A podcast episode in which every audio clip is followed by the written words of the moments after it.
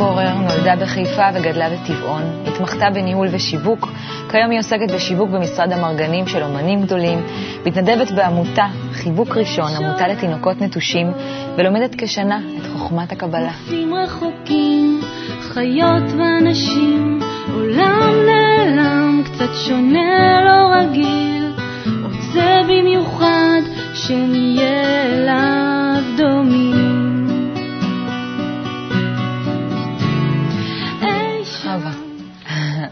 אז השינוי זה הדבר הקבוע בחיים שלנו. כאילו משהו מבפנים כל הזמן דוחף אותנו, מכריח אותנו להשתנות, לגדול, ולוקח לנו זמן להסכים לזה, ואפילו להתאהב בזה.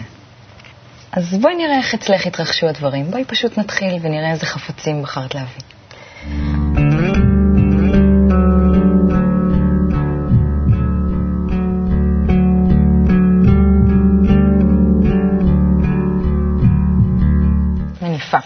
כן, זה דבר שמאוד מאפיין אותי בחודשי הקיץ החמים והלכים בתל אביב.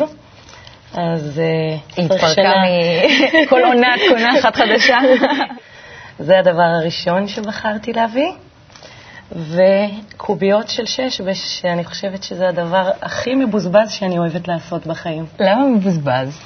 כי זורקים את הקוביות וזזים ומשחקים, ו- וזה לא מוביל לשום מקום, אבל אני פשוט אוהבת לשחק שש בש. אז אה, דווקא מה שאני, אני רוצה גם להגיד על זה משהו, אבל מה שתמיד בשש בש, אה, ככה רואים את האנשים ב... בשווקים, שמשחקים שש בש כל היום, תמיד יש להם איזו חוכמת חיים כזאת, אם את מתיישבת לידם, את שומעת ש... תמיד נראה לי, אנשים שמשחקים ככה שש בש, משהו מתפתח תוך כדי, אז לא נראה לי שזה כזה מבוזבז. אה, זוכרת איזה שהן תובנות שש בש שהיו לך? אה, בסיני, בפעם הראשונה שהייתי, שיחקתי עם בדואי, שכל היום יושב ומשחק שש בש, וניצחתי אותו. אה, משהו כמו עשר, שתיים, וככה הייתה הרגשה מאוד טובה, ומאז נהייתי נורא, אני תחרותית. ושש בש מבחינתי גם מסמל את התחרותיות שבי. לא אוהבת להפסיד. ואת הרצון שלך לפינוק. ולנחות. טוב, משהו כזה. אז בואי נראה איפה התחילו כל הדברים בילדות. אוקיי.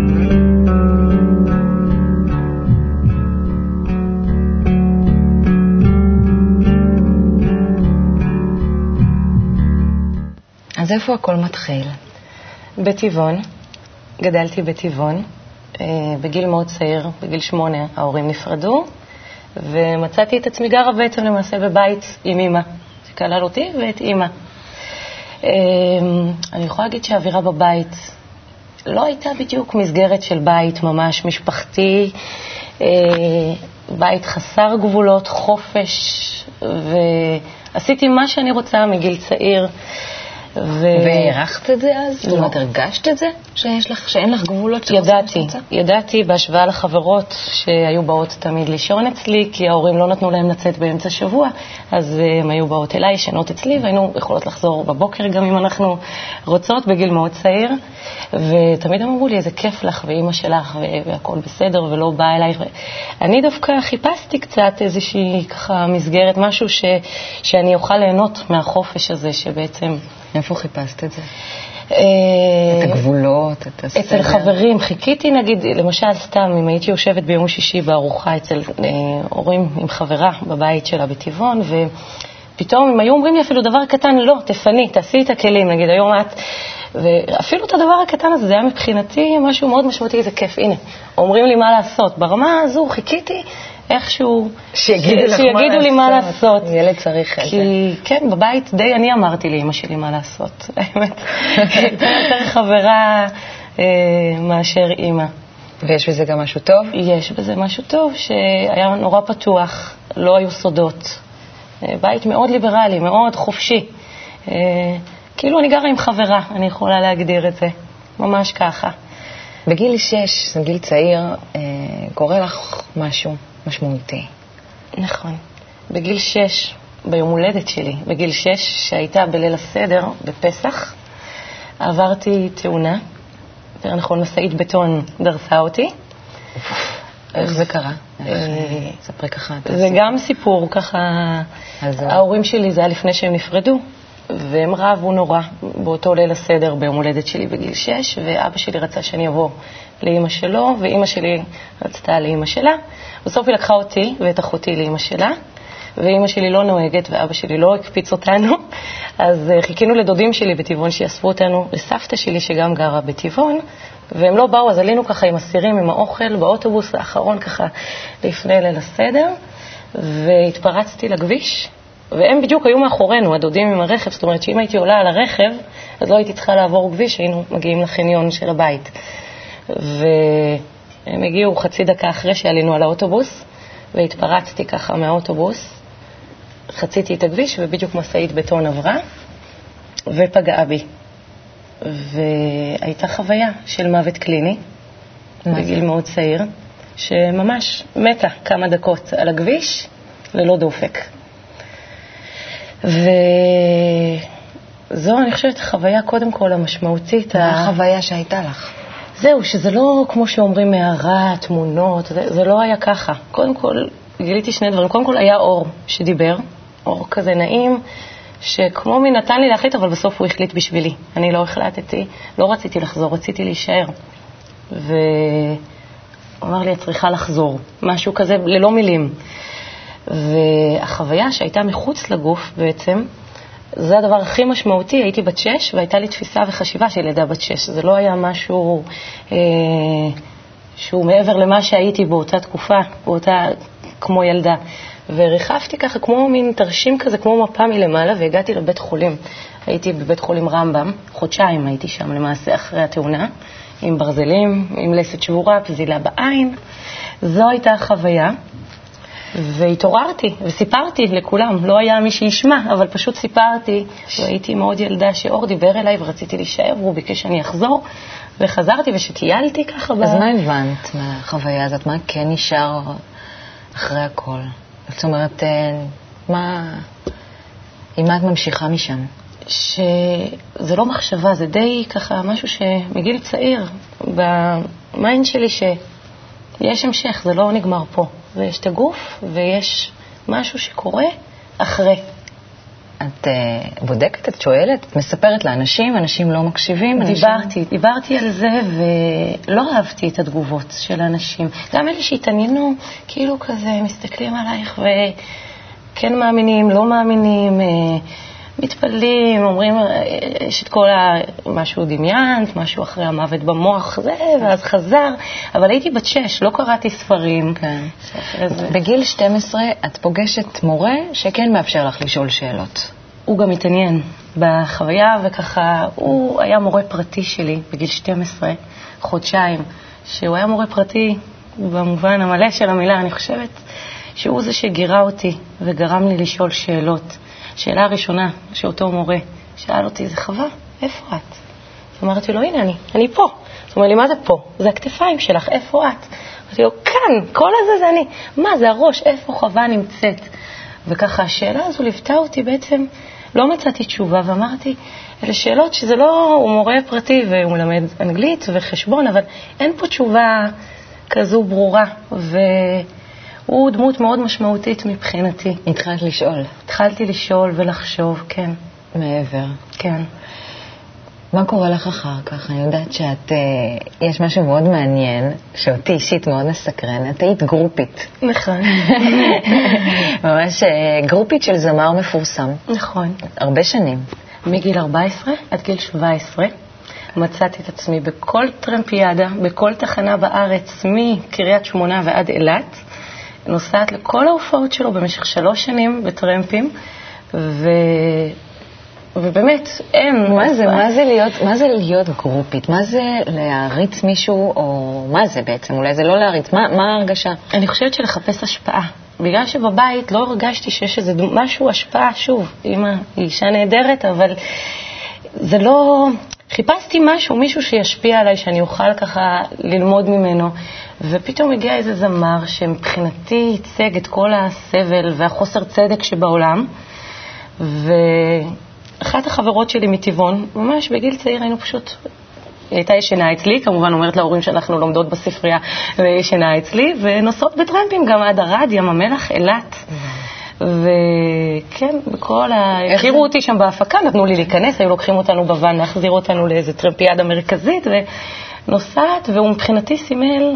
ככה, באמת. הכרת אותו באופן אישי? דיברת? בתקופה ההיא לא הכרתי אותו באופן אישי. אבל מה זה, מה זה ההרגשה הזאת? מה זה להריץ מישהו ככה? מה, מה חשבת בנך? מה זה המחשבות האלה? קודם... זאת אומרת, הוא, הוא ניתב לך ממש את אותן שאלות, את, אז שאל את אותן שאלות שאת שאלת. כן, הוא נגע בי, הוא נגע בי, הייתי אומנם ילדה מאוד ככה פופולרית, אה, אה, חברותית, והייתה לי תמיד סביבה של חברות, ו, אה, אבל הייתי מאוד דיכאונית, ככה איכשהו בפנים. זה לא שיקף את איך שנראיתי בחוץ, מאוד סוררת עם זה, עם לצבוע את השיער בסגול, ללכת יחפה.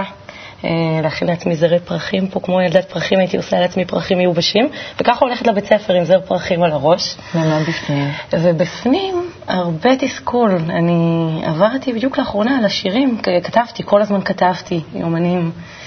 ובוא נאמר, כל פסיכולוג ממוצע זה היה מטריד, השירים שהייתי כותבת בתקופה ההיא, והוא מאוד השפיע עליי, כי גם הוא היה כותב דברים, טקסטים שלא מעודדים לחיות, אפילו ברמה הזו, שהיום אני מבינה שככה, זו לא הייתה השפעה טובה, זה לקח, אה, אבל מבחינתי, זה היה איזה משהו ככה... השתקפות של הפנימיות שלך? כן, באותה תקופה הוא היה השתקפות של הפנימיות שלי.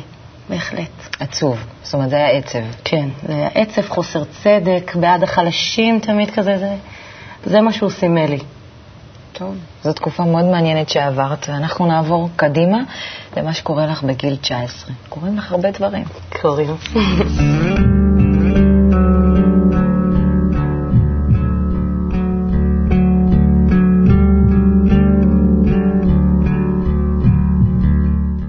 מה קורה שם? בגיל 19. בגיל 19, 19 וחצי, גרתי ביודפת, בגליל המערבי. היה לי בן זוג, ונכנסתי, חיפשתי, החיפוש תמיד היה, אם זה לקרוא ספרים, קצת תורה אפילו של השמנים, כל הזמן אמרתי, אני חייבת למצוא מעבר לחיים משהו ריק.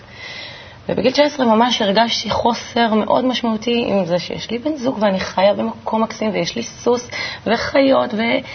הכל טוב, באמת עבודה טובה כמו שרציתי, ומשהו חסר. וגם הבן זוג שהיה לי ככה, חיפשנו ביחד והגענו בגיל 19 וחצי לדרך הרביעית. הדרך הרביעית זו תורה של גורג'ף, שאוספת ככה את כל התורות, וזו דרך חיים. אה, הייתי בקבוצה ארבע וחצי שנים, שזו תקופה לא מבוטלת. אה, אני מאוד מעריכה ושמחה עם כל מה שקיבלתי שם, כי אני חושבת שזה קידם אותי, והיום, איפה שאני, זה היה שלב שהייתי צריכה לעבור, וזה גם היה גיל צעיר, וזה היה ההתבשלות, ההבשלה, שאני חושבת מה שזה המקום שככה לקח אותי בעצם לדעתי לאיפה שאני היום. ו... באמת, זה נורא, בסופו של דבר, אחרי ארבע וחצי שנים, הרגשתי שזה די חוזר על עצמו. זאת אומרת, עושים תרגיל רבע שעה, כל בוקר, ערב, לא משנה, בוחרים שעה קבועה. יש משימות שבועיות, יושבים פעם בשבוע קבוצה, פעם בחודש יש גם תנועה. ו... ובסופו של דבר זה דיבר עליי, על הקיבוצים שלי, על התחושות שלי, עליי ועליי, והרגשתי, אחרי ארבע וחצי שנים, שאין לי מילוי יותר, כמו שהיה לי, ומשהו מפה צריך להמשיך. אני מפה, מהמקום שהגעתי, צריכה להמשיך לטפס, לחפש את עצמי במקום אחר. זה לא נתן לך את המענה. זה נתן לי ארבע וחצי שנים, אני שוב באמת okay. מרגישה שמאוד הגעתי ככה משם, אבל בסופו של דבר זה, זה מיצה את זה, אחרי okay. אוקיי. ארבע וחצי שנים. ולאן את ממשיכה משם? ואז אה, גם אחרי אותה תקופה בעצם סימלה את הבן זוג שהיה לי, ואת הדרך הרביעית, ואת הצפון והגליל המערבי והטבע, ואני טסה לחו"ל. למזרח. למזרח, לחצי שנה. הייתי ביפן ובתאילנד, אה, ככה טיילתי לבד. באמת? ממש לבד, לבד עם עצמי. זה מפחיד. מפחיד, אבל מאתגר. אני גם טיילתי לבד, זה מפחיד. זה מפחיד אבל באמת, נכון שכל ה... מה שקורה הוא יותר עוצמתי. בדיעבד, כן. אין לך איזה מישהו שנורא אהבתי, אבל בתאילנד אני לא אשכח את אותו רגע שישבתי ככה בקופיפי באי עם קוקונט שייק. לפני הצונאמי. לפני. ו... ועם כל הטבע והיופי והשפע, ויש לי כמה זמן שאני רוצה להיות שם, אני לא ממהרת לשום מקום. ועצבות אמיתית ככה. עוטפת אותי ואני אומרת, משהו חסר, זה לא התכלית. יש פה משהו שבאמת חסר ואני לא מוצאת, אני לא יודעת איפה למצוא את מה שאני מחפשת. כאילו משהו עבד לי ואני לא יודעת מה. וזו הייתה התחושה המאוד משמעותית שלי כשהייתי בתאילנד. בהכי טוב, פתאום קיבלתי את הכי רע והחלטתי לחזור לארץ. ו... אה, הגעתי לארץ, וטוב, אה, איך הגעתי ל... לא, איך הגעת לארץ? מה קורה בארץ? בארץ המשכתי לעבוד, הגעתי למשרד, נורא רציתי. מגיל צעיר נורא אהבתי מוזיקה, וידעתי שאני רוצה, ברמה הגשמית, לעבוד uh, בתחום של שיווק שאני טובה בו, אנשים, ומוזיקה, שאני נורא אוהבת. מוזיקאית, אני לא אהיה לעולם, לא כדאי לסביבה, אבל uh, להרגיש חלק מהתהליך, כמו לידה, ליצור שיר, לשמוע טקסט, לחן, וככה להרגיש חלק מהיצירה הזו, והגעתי לתחום כזה, מה שרציתי. ואני עובדת... אמרגנות. ב... כן, אומנים, אני סוגרת הופעות ושיווק. ודרך המקום הזה, במשרד שלי בעצם פגשתי את ארכדי, שהוא אחד האומנים שאני עובדת איתו, וכל הזמן הוא דיבר על קבלה, אבל הוא עשה לי אנטי. כאילו, לא, לא היה לי משהו שגרם לי או פיתה אותי לבוא, להפך, הייתה לי קודם כל סטיגמה. דתיים, חוטים אדומים. אני לא אשכח, בתקופה שגרתי בצפון, איזה דתי בא אליי ואמר לי ככה, אני עם חולצת בטן וככה בדרך לכנרת, עוצר אותי איזה דתי ואומר לי, את יודעת שמדונה לומדת קבלה? אני לא אשכח את המשפט הזה. ו- וקיבלתי אנטי מאותו רגע, זה היה ממש כמה שנים קודם, כאילו הייתה לי אנטי, אמרתי, מה הוא עושה שם, מה עם זה? אבל הוא כל הזמן אגו, אגו, דיבר, ואמרתי, אחרי שהוא באמת שכנע אותי, מה מה הוא. אמר? את זוכרת איזה משפט שהוא אמר? זה האגו שלי, אני נותן לו מקום, וזה טוב, כאילו, ואמרתי, מה, הם נותנים לו אסמכתה, כאילו, להיות משהו? אני לא יודעת, לא, לא ברור מה... בדרך שלו, הוא הבין את זה בדרך שלו, ואני לא הבנתי את הדרך, את מה שהוא הסביר בתקופה ההיא, אבל כן, באתי איתו. יום שישי בבוקר לשיעור של רב, זה היה לפני הקונגרס קבלה, בפברואר 2008, ואני זוכרת את השיעור הראשון, שזה מה שמעניין, הרי את הדרך הרביעית אני עזבתי בגיל 24, והגעתי בגיל 29 לקבלה. ואני זוכרת, השיעור היה על אה, מר ומתוק, אמת ושקר. לא הבנתי כלום, אבל באותו רגע שהתיישבתי בשיעור, זה היה שיעור, ממש זכיתי במשהו מאוד אינטימי, לא יודעת מה באותו יום, אבל זה היה ממש ככה, אה, השיעור הראשון, מעט אנשים יחסית, ולא הבנתי כלום. אמרתי, רגע, אז מר זה האמת והמתוק זה השקר? רגע, אז עכשיו הרגשתי שהוא לוקח לי את כל הפאזל, כאילו את כל איך שסידרתי את עצמי, ועשה לי בלגן בחיים. אמרתי, הנה עכשיו, באותו רגע קיבלתי בלגן. אה, אמרתי לו, אני מבולבלת. לרב, אני לא מבינה כלום, מה, מה, הוא אומר לי, טוב מאוד, תמשיכי להתבלבל, ו- וטוב מאוד, ככה, עכשיו כל מה שאת עוברת, תני לזה. וככה יצאתי מהשיעור, אמרתי, טוב, זה לא... עכשיו, היה מאבק מאוד רציני בין הגוף בעצם ל- לרוח, כאילו, משהו שהוא לא קשור אליי, משך אותי מאותו רגע, אבל גם יצר אנטי. ואז אמרתי, רגע, זה האגו שארקדי מדבר עליו, כאילו, של לתת למקום הזה. הרגשתי שאותו האגו שלי הוא זה שדוחה אותי, אבל זה גדול ממני, משהו כאילו, איכשהו גורם לי תמיד לקרוא טקסט. וכל פעם אני פותחת ואני סוגרת ואני רוצה, כאילו, משהו נורא עניין אותי להמשיך, ו- וזה משהו שאני חושבת שבאמת לא בא מהרצון הגשמי שלי. זו... מה הייתה החוויה, ככה, היה איזה רגע מיוחד שהיה לך אחר כך, שהבנת שכן תפס אותך, שעשה לך הוק פנימה? כן, דווקא החוויה של ה... שראיתי בעצמי, זו הייתה ממש חוויה של הכרת הרע.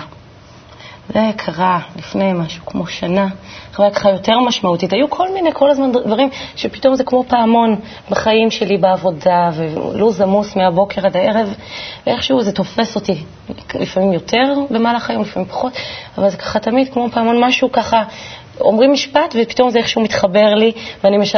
משליכה כל דבר איכשהו.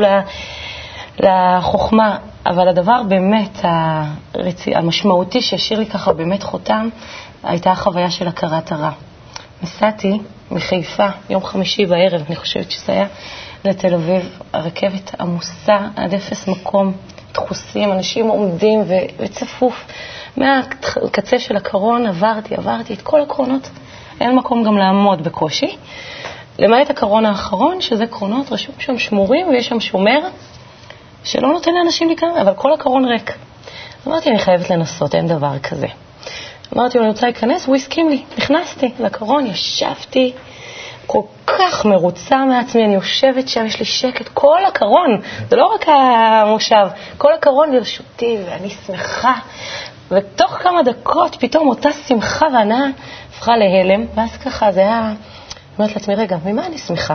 הרי אם הייתי באה יום ראשון בבוקר, או לא יודעת מתי בעצם הרכבת פנויה, אבל אם לא היו אנשים שעומדים, אם לא היו אנשים צפופים ככה דחוסים, אז ממה אני שמחה? אני שמחה בעצם מזה שאנשים שם סובלים ודחוסים ועומדים.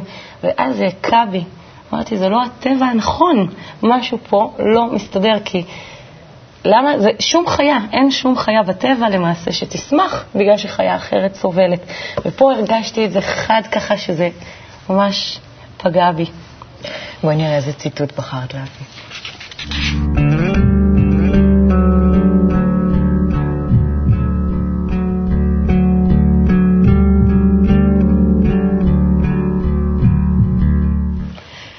כאותה התולעת שנולדה בתוך הצנון, והיא יושבת שם וחושבת שכל עולמו של הקדוש ברוך הוא הוא כל כך מר וכל כך חשוך וכל כך קטן כמידת הצנון שהיא נולדה בו.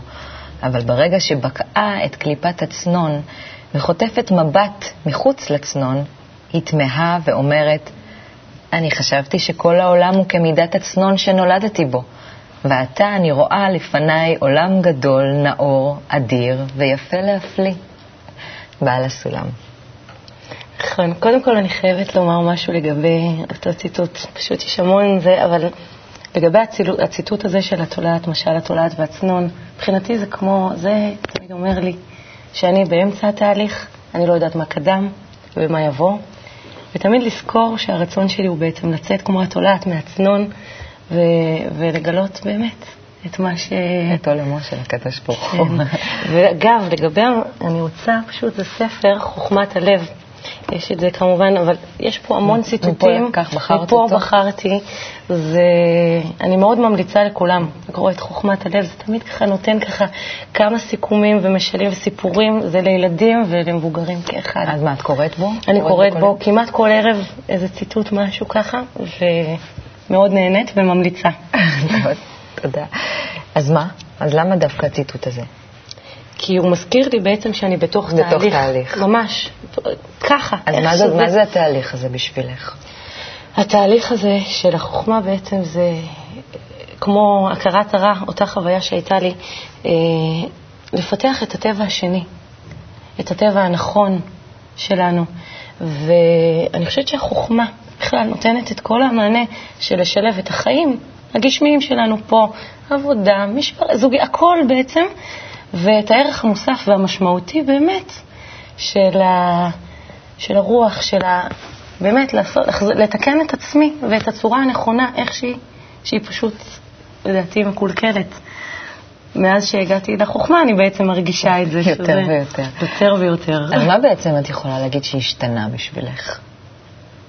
אה, מה- מה השתנה בשבילך בהסתכלות שלך על, ה, על העולם או בחיים?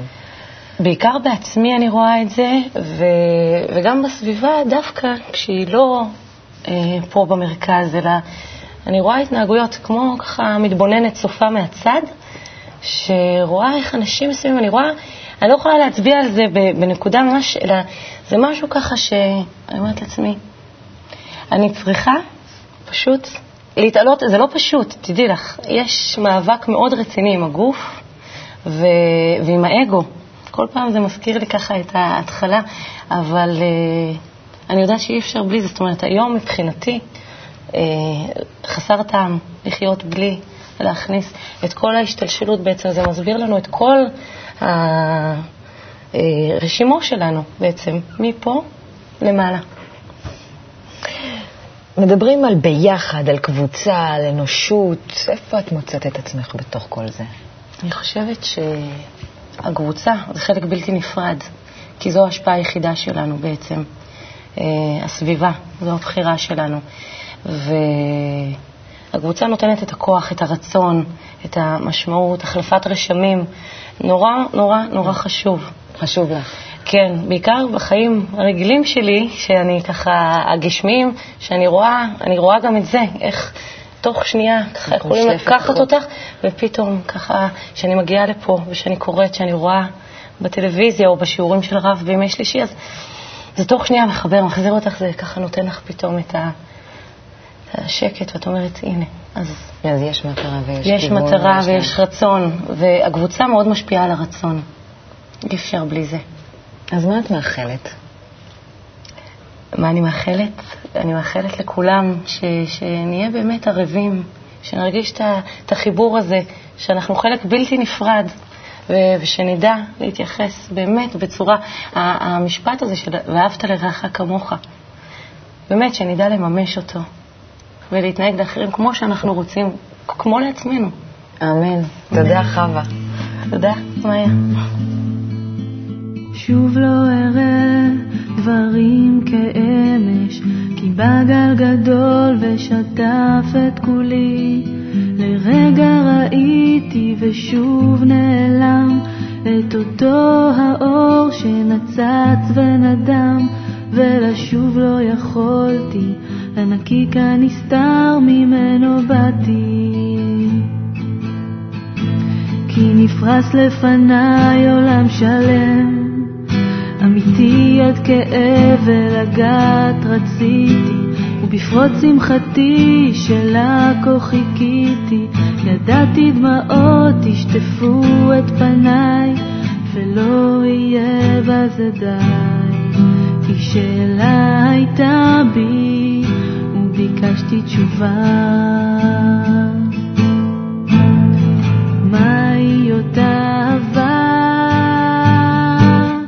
רגע נגע בי, רגע הרגשתי של נצח לכמה שניות שהפכו להיות חיי